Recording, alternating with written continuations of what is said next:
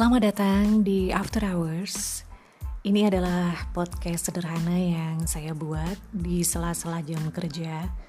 Tidak ada yang istimewa, hanya cerita-cerita keseharian yang sering saya alami atau bahkan gak jauh berbeda kok dengan cerita-cerita yang Anda miliki. Tapi setidaknya itu cukup berharga buat saya dan saya berterima kasih kepada Tuhan mengalaminya karena kadang-kadang hal itu memberikan pelajaran atau nilai yang luar biasa di dalam kehidupan saya.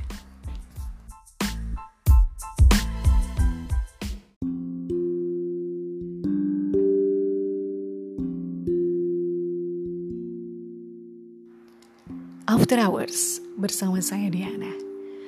Di Daily Story episode kali ini saya akan ngobrol sedikit tentang belanja online. Wow, siapa sih yang gak pernah belanja online?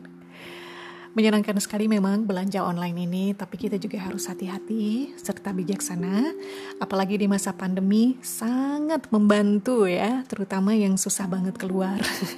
saya merasakan manfaatnya karena juga uh, tempat saya agak jauh dan terus kemudian juga akses ke mana-mana agak susah gitu ya. Jadi dengan adanya kemudahan melalui belanja online ini sangat terbantu dan kadang-kadang harganya juga cukup bersaing ya. Dan kemungkinan bahkan barangnya kadang-kadang lebih bagus, lebih segar daripada di pasar tradisional. Terus kemudian juga di satu sisi kadang pelayanannya juga lebih bagus dan barangnya lebih variatif gitu ya. Ini sih menurut penilaian saya. Nggak tahu lagi ya dengan yang lain. Dan ngomongin yang lain, ini ada sedikit masalah yang ingin saya sampaikan bahwa tempo hari sempat ada teman yang mengeluh karena kartu kreditnya habis limit atau bahkan dia juga terjebak hutang beberapa kartu kredit gara-gara kebiasaan belanja online ya. Jadi ini kebiasaan yang kurang bijaksana yang sering dia lakukan, mengejar diskon di beberapa situs yang pada akhirnya membuat dia punya masalah dengan uh, hutang kartu kredit yang lumayan ya. Jadi saya cuma bisa bilang hati-hati jangan membeli barang yang kamu inginkan, tapi coba beli yang sesuai kebutuhan kamu. Karena saya lihat perilaku mereka-mereka yang ketagihan belanja online biasanya adalah mereka-mereka yang membeli barang yang tidak mereka butuhkan, jadi mereka inginkan dan akhirnya barang itu tidak terpakai. Sayang sekali kan ya.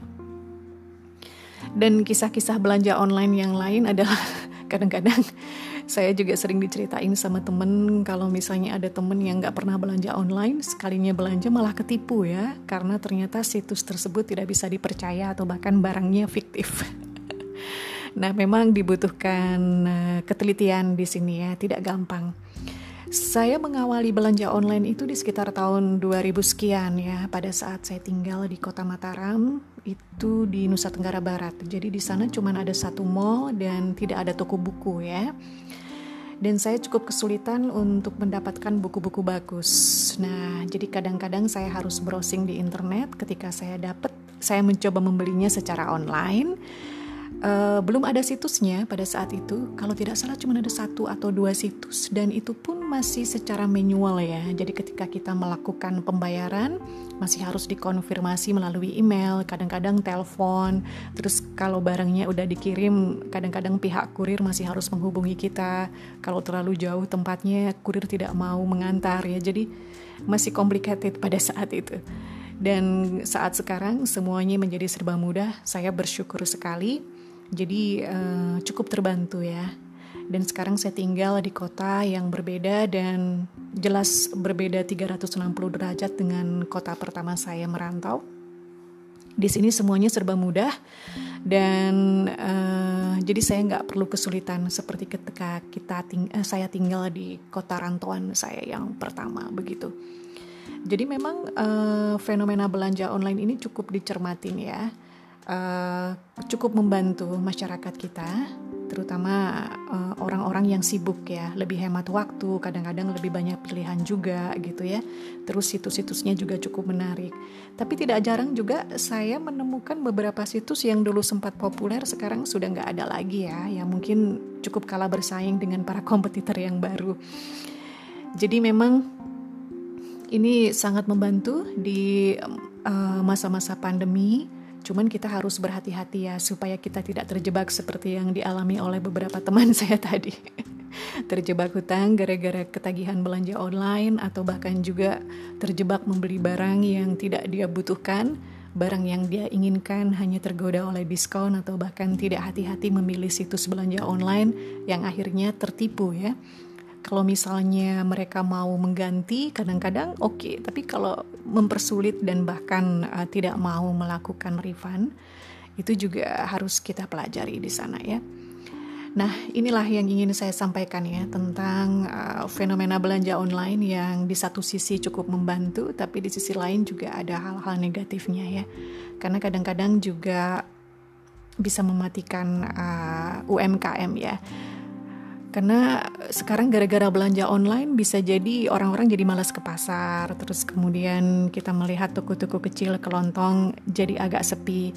Tapi sederhananya itu bisa disiasatin kalau mereka kreatif ya. Mereka bisa memanfaatkannya uh, untuk mempromosikan produk-produk mereka. Jadi mereka bisa join dengan situs-situs tertentu, menaruh toko mereka di sana dan otomatis itu akan sangat membantu ya. Nggak cuman uh, pelanggan dari wilayah mereka aja nanti yang akan gabung tapi juga pelanggan dari tempat yang lain. Jadi nggak perlu merasa tersaingi karena memang sudah waktunya kita belajar yang seperti itu. Kalau menurut saya semacam itu ya. Karena saya dan adik saya juga memanfaatkan situs-situs online untuk menjual beberapa barang dan kita cukup merasa seneng kok ya meskipun penjualannya ya memang itu merupakan barang yang slow moving, jadi kita harus cukup sabar menunggu, bukan barang yang fast moving. Tapi di sini kita mendapatkan banyak kemudahan ya dari belanja online. Dan ini mengubah perilaku masyarakat tentunya yang tadinya uh, apa ya?